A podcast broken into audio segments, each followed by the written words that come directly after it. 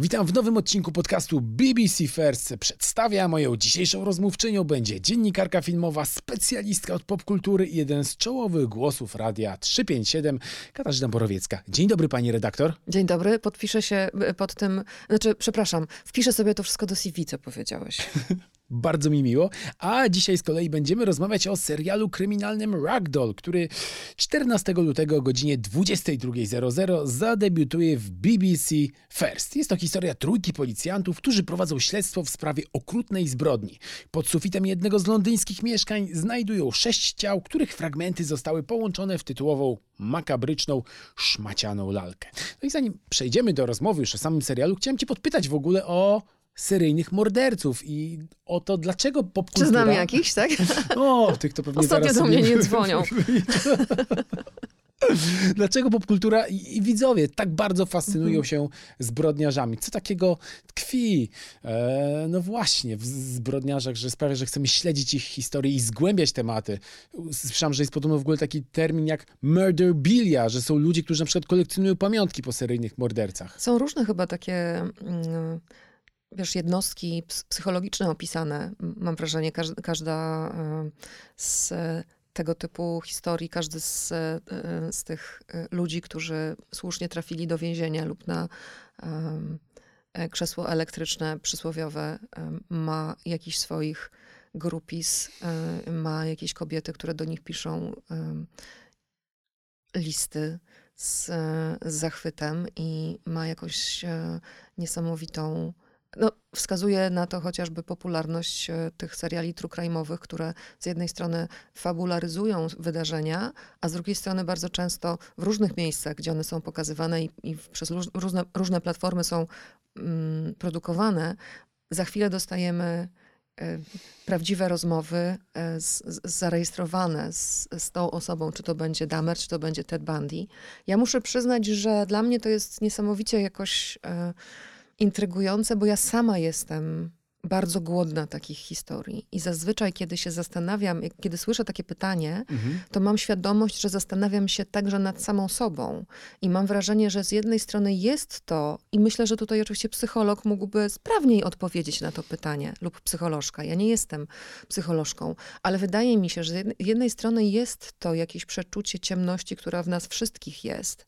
I taki wielki znak zapytania, jak to się dzieje, że ona się u mnie ujawnia tylko w taki sposób, że pożeram takie historie z wielką łapczywością, Mhm. a u innych przejawia się w taki sposób, że no, przechodzą do czynów, a z drugiej strony jest to z pewnością e, w ogóle nasze zainteresowanie historiami kryminalnymi, takimi bardzo mrocznymi, bo ja też e, bardzo się cieszę, że pomyślałeś o mnie i, i się możemy spotkać w związku z e, tymi brytyjskimi produkcjami, bo jest to dla mnie po prostu morze absolutnie fantastycznych historii, które ja pożeram, jak tylko co, cokolwiek nowego się pojawia, to bardzo, bardzo szybko staram się do tego dotrzeć i oglądać. I bardzo e, zarówno w formie książkowej, jak i ekranowej kryminały wszelkie mnie interesują i takie lżejsze z nutką humoru i takie, które właśnie chociażby tak makabryczne historie zawierają jak Ragdoll, E, ale jest to chyba coś takiego, że my łakniemy takich historii, żeby podczuć jakiś dreszczyk adrenaliny, której nam brakuje w życiu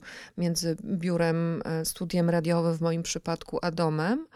Em, I to nam dają te historie, te, to podniesienie ciśnienia, te palce zaciśnięte na e, oparciach fotela, a z drugiej strony wiemy, że jesteśmy bezpieczni i wiemy, że nic nam nie grozi, oprócz tego, że ewentualnie jak obudzimy się w nocy, to będziemy się bali przez tydzień pójść do toalety, bo jednak e, bardzo mocne wrażenie czasami te historie wywierają. A jeszcze jedna sprawa, która mi przychodzi do głowy, to jest Mhm. to, że po prostu zawsze, e, no tutaj oczywiście dochodzi sprawność scenarzystów i scenarzystek, ale jeżeli ta historia jest dobrze napisana, to puzzle układają się w taki sposób, że widz też ma wielką przyjemność z tego rozpoznawania kolejnych kroków. Więc myślę, że bardzo dużo rzeczy się na to składa, ale daje nam to pewną przyjemność. Czasami jest to jakaś przyjemność na granicy perwersji, prawda? Ja na przykład ostatnio postanowiłam już nie oglądać historii o prawdziwych em, seryjnych mordercach,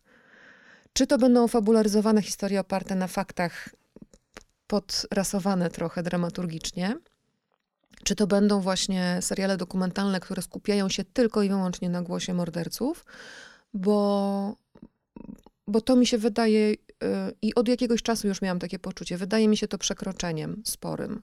Y, I y, bardzo szanuję takie historie, które opowiadając o takich dramatycznych wydarzeniach i stratach, opowiadają bardziej je z perspektywy po pierwsze e, ofiar, ich rodzin, tego, jakie spustoszenie w życiu tych, którzy zostali, wywołują działania takich osób, takich zbrodniarzy, a z drugiej strony e, takie historie, które pokazują, czy to w formie dokumentalnej, czy fabularnej, e, to w jaki sposób, nie wiem, warunki społeczne, czas, w którym to się e, zdarzało, wpływa na to, jak długo szukano Mhm. tego zbrodniarza i jak dużo e, pracy włożono w, w śledztwo. Więc z jednej strony praca policji, z drugiej strony e, perspektywa rodzin, tych, którzy zostali, ale najmniej mnie interesuje perspektywa seryjnego mordercy. To są przypadki dla psychologów klinicznych i dla kryminologów, a nie dla, nie dla mnie już teraz. Więc e, wy, wygłosiłam Mhm. wykład na początek naszego spotkania. Bardzo Państwu dziękuję za uwagę.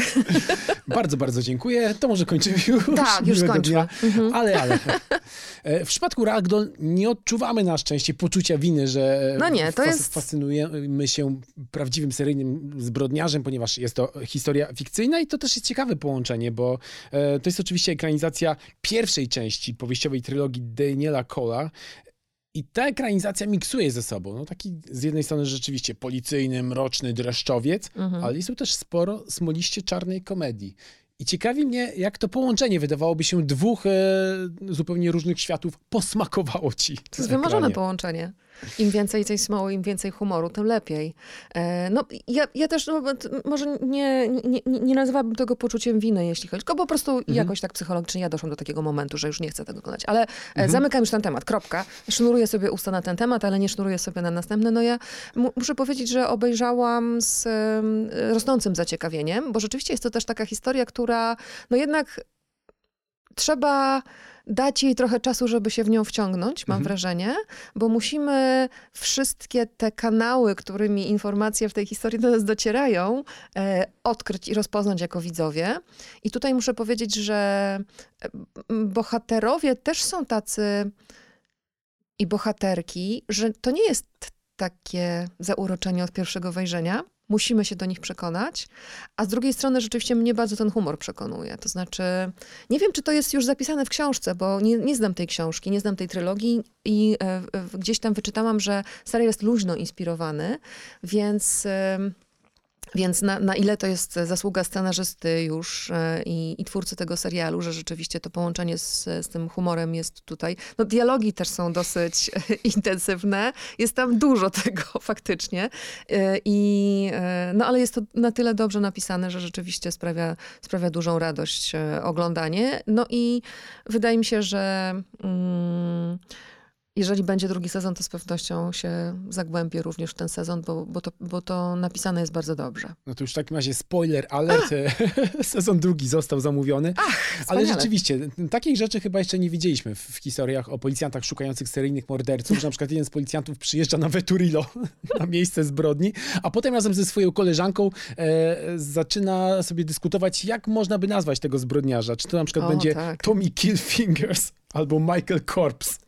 A czy ty, y, bo, bo, bo oczywiście nie, nie, nie wchodzimy za głęboko, ale rzeczywiście trzeba e, powiedzieć, że e, no, są jakieś takie skojarzenia, jeśli chodzi o makabryczność tej zbrodni, naprawdę z Mhm. no, najbardziej e, ciemnymi, najciemniejszymi, a jednocześnie nie tak zabawnymi historiami, które gdzieś tam nam e, w głowie powstają, kiedy, kiedy, kiedy a propos nomen omen, w głowie powstają, bo mamy i obciętą głowę i właśnie ten, ten, ten, ten modus operandi mm, ragdoll killera, bo tak w końcu został nazwany. Też okoliczności, jak, jak w, w których ta nazwa w końcu powstaje i kto ją wymyśla, są bardzo zabawne. No i rzeczywiście takie, no może nie są, może nie są to serie one-linerów, ale, ale z, w ogóle dynamika pomiędzy głównymi postaciami e, jest tak fajnie rozrysowana i tak e, zabawnie napisana. E, zresztą pewnie jeszcze będziemy mówić Mhm. o tym, o tych różnicach, które, które się tam pojawiają między nimi. No ale też e, trzeba powiedzieć, że no, no, ten główny bohater męski, za którym idziemy, czyli Nathan Rose, no to jest taki, to jest taki dosyć typowy e, detektyw, prawda, który ma bardzo pogruchotane życie e, i e, przeszedł trochę i jest trochę na bakier z systemem. I takich już paru mieliśmy. A z drugiej strony jest kiedyś jego podwładna, a teraz jego szefowa, Emily Baxter, która z kolei no jest bardzo fajna między nimi też relacja, która ociera się, e, choć bez ocierania e, fizycznego, o jakieś uczucie, więc to jest też bardzo ciekawe. To mi się bardzo podobało, że tu jest to w ten sposób rozgrywane, że oni mają super fajną relację, idą sobie razem na karaoke i, e, i widać, że czują, że mogą na sobie polegać. Oczywiście pojawiają się jakieś pęknięcia w tej mhm. relacji, ale jednocześnie jest coś, co nie nazwałabym tego um, Will They, Won't They, bo to nie jest ten typ um, produkcji, ale, ale faktycznie no, smakowicie to jest rozegrane między nimi i rozpisane. No właśnie, porozmawiamy sobie w takim razie jeszcze trochę o głównych bohaterach. E, wspomniany przez ciebie Nathan e, Rose. Gdy spotykamy go na początku serialu, właśnie popełnił największy e, zawodowy błąd, ponieważ z powodu nieprzepisowego zdobycia dowodów seryjny morderca został wypuszczony na wolność. Mamy poczucie, że jego psychika, psychika bezustannie chybocze się na linii zawieszonej nad przepaścią i ma tak zakurzone mieszkanie, że może dać zapisywać na parapecie e, adresy miejsc e, zbrodni. A z drugiej strony e, grana przez Talisę Teixeirę mm, postaci Emily Baxter, czyli właśnie taka służbistka, kobieta sukcesu, która ewidentnie ma słabość do głównego bohatera i wiele mu wybacza, ale jest jeszcze trzecia postać tego trójkąta. Tak kto wie, czy nie najciekawsza w ogóle w zestawieniu tych bohaterów i bohaterek, e, czyli Lake Edmonds, grana przez Lucy Hale. Policjantka z Ameryki, przedstawicielka generacji Z, która postanowiła zamienić Los Angeles na Londyn i która cały czas kwestionuje w zasadzie ten świat dookoła. E, to, w jaki sposób policjanci się zachowują, ich nieprzepisowe e, decyzje. No, zderzenie Europy z Ameryką. Tak. To jest internet i TikTok i w ogóle wszystkie możliwe media społecznościowe są wypełnione tym, jak Europejczycy widzą Amerykanów, a Amerykanie Europejczyków, jak Brytyjczycy widzą Amerykanów. I to jest rzeczywiście bardzo fajna też, bardzo fajny pomysł, żeby wprowadzić tę postać. Zresztą no, aktorkę znamy z y, serialu... Y, Anna Boleyn na przykład? Y, nie, mówię o, a, mówię o Lucy Hale Słodkie kłamstwo. Bo ona rzeczywiście, pamiętam, że e, gdzieś tam przeglądałam, jak ten serial był e, e, zapowiadany w Stanach, no i to ona oczywiście była tą mhm. twarzą, która, która tutaj była dominująca. Mm, no a tej Sheira rzeczywiście Anna Bolej, no ale to taka mniej znana postać. Ona dopiero chyba, tak. ale mam nadzieję, bo fa fantastyczna jest i mam nadzieję, że jakoś wypłynie. No, fantastyczne są z jednej strony mm, te mm, smaczki właśnie amerykańsko-brytyjskie, które tutaj wchodzą, no bo też musimy powiedzieć, że ta policja e, w serialu e, Ragdoll, no to oni no, no, no bynajmniej nie są, y, oni nawet nie dotrzymują kroku temu seryjnemu mordercy. Tam są ciągłe problemy, e, także takie na tle rasistowskim, z czym się boryka bohaterka grana przez Talisę Teixeira e, i e, ten e, e, Nathan Rose, ja będę używała, bo oczywiście są polskie odpowiedniki, ale tak u, lubię używać e, mhm. DS Nathan Rose i DI Emily Baxter i DC Lake Edmonds.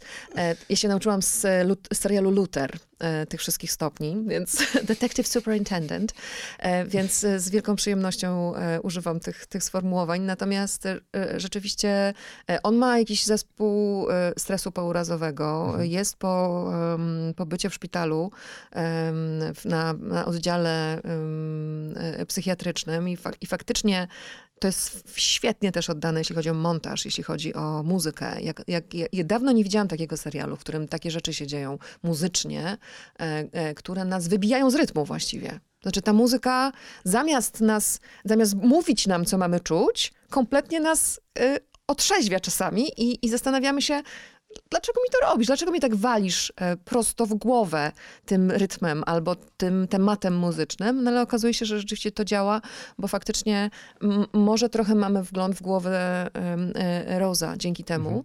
E, i na to chciałam zwrócić uwagę. Natomiast Oprócz tej, oprócz tej relacji charakterystycznej pomiędzy Rose'em i Baxter, o której wspomnieliśmy, no to właśnie cudowne z jednej strony różnice kulturowe brytyjsko-amerykańskie, które wychodzą w rozmowach z, z, Lucy, z Lake Edmonds, czyli z tą bohaterką graną przez Lucy Hale, która jest też świetnie napisana i mhm. też bardzo fajna, e, bo ona nie może tak za bardzo się wychylać, ale musi. No ona jest y, nie dość, że generacja Z, to jeszcze Amerykanka, która przyjechała z Los Angeles. Bojka. Nie ma po prostu żadnych zahamowań, jakieś tam w ogóle e, standardy e, europejskie, hierarchia służbowa, to nie, to, to, to nie ma żadnego znaczenia, więc ona ciągle jest tutaj, mm, no tańczy na, mm, na ostrzu noża, powiedziałabym, ale też te, te pokoleniowe rzeczy, które tutaj wychodzą. Czuję się trochę stara, jak, jak, jak e, o niej myślę, ale jest taki piękny, e, jest taka piękna rozmowa pomiędzy nią i Baxter, kiedy Baxter nawiązuje do Simpsonów. Nie powiem, co Lucy odpowiada wtedy, czy Lake właściwie, bo Lucy to aktorka, ale poczułam się wtedy, jakby ktoś mnie uderzył w twarz. E, mówię to oczywiście z przymrużeniem oka wielkim, ale, ale rzeczywiście to jest jeszcze dodatkowa rzecz, która tutaj dodaje e, dużo smaku temu serialowi, tak. Głównym kucharzem przedsięwzięcia jest Freddie Cyburn, który ma na koncie m.in. pracy przy jednym z hitów eksportowych brytyjskiej telewizji, czyli Obsesji Eve. Ciekawi mnie, czy masz też takie poczucie, że Ragdoll i Obsesji Eve można jakoś zestawić ze sobą i czy obie te produkcje mają być może jakieś mm, wspólne cechy? Gra z konwencją, ten właśnie czarny humor, e, zainteresowanie ambiwalentnymi moralnie postaciami. Mhm. Ja bym nie, ja bym chyba nie, nie, nie wyciągała e, tutaj jakichś takich wniosków dotyczących podobieństw, bo mam wrażenie, że no to zainteresowanie postaciami dwuznacznymi albo wieloznacznymi moralnie właściwie w każdej szanującej się produkcji, która trwa dłużej niż sezon e, i ma jakąś historię, która, że nie jest to procedural, tylko mamy historię, która rzeczywiście rozwiązywana jest przez kilka odcinków, to zawsze takie wątki się tam pojawią. Tutaj jedyne, co bym e, oddała e, e, z, i, z, i z rozkoszą obserwowałam kolejne przedziwne metody pozbawiania życia kolejnych ofiar. To znaczy, to w jaki sposób to jest napisane, e, posłuszę się znowu tym sformułowaniem modus operandi, no nie da się tego przewidzieć i to jest też niesamowicie inteligentny e, czarny charakter czy zbrodniarz, bo ten ragdoll killer, dlatego że faktycznie e, no, nie da się przewidzieć, e, jakim sposobem dotrze do następnej ofiary, a przecież wiemy, do kogo ma dotrzeć, bo żeby pokazać jeszcze dodatkowo nieudolność działań policji, to w jaki sposób oni się. Mm, jak oni niby krążą wokół tematu, ale tak naprawdę nie są w stanie dojść do sedna, no to, no to jest to, że dostali listę z tymi ludźmi, którzy, którzy zginą w następnej kolejności. I w kolejności oni rzeczywiście giną. Na końcu tej listy jest jedna z ważnych osób z tej trójki, o której mówimy i nie są w stanie ochronić kolejnych osób. I po prostu on zawsze sobie poradzi. Czy to będzie. Nie, nie, no nie będę zdradzać, ale są to tak wymyślne i tak proste w samym pomyśle metody, że Jestem pełna podziwu. To mi się bardzo podoba. I to mi się kojarzy z, z, z tą bezczelnością Villanelle i z tym kompletnym brakiem jakiegokolwiek po, poszanowania. No, psychopatki no trudno jakiekolwiek poszanowanie norm społecznych, czy, czy, ale rzeczywiście to mi się bardzo podoba. To też... Yy, yy, można by po obejrzeniu tego serialu zrobić sobie taki konkurs o głowie, która z tych metod była najbardziej spektakularna i najdziwniejsza. Bardzo mi się to podoba. No to ja dodam tylko od siebie, że jest tutaj taka scena w tym serialu, po której zastanowicie się dwa, może i trzy razy, czy chcecie sięgnąć po papierosa. Na przykład. I więcej nie zdradzamy. E, jeszcze na koniec dodam, że jest fantastyczny utwór przewodni w napisach początkowych, którego nie mogę znaleźć w mhm. serwisach streamingowych. E, piosenkę napisał Moses e, Boyd, ale nie ma jej. Patrzyłem na e, Reddicie, też fani szukają i nie mogą znaleźć. Miejmy nadzieję, że w końcu pojawi się. To była nasza rozmowa o serialu Ragdoll, który już 14 lutego o godzinie 22 zadebiutuje w BBC First. Moją rozmówczynią była Katarzyna Borowiecka. Bardzo dziękuję. Dziękuję bardzo, to jest idealna propozycja na walentynki. Kłaniamy się nisko. Do usłyszenia. Do usłyszenia.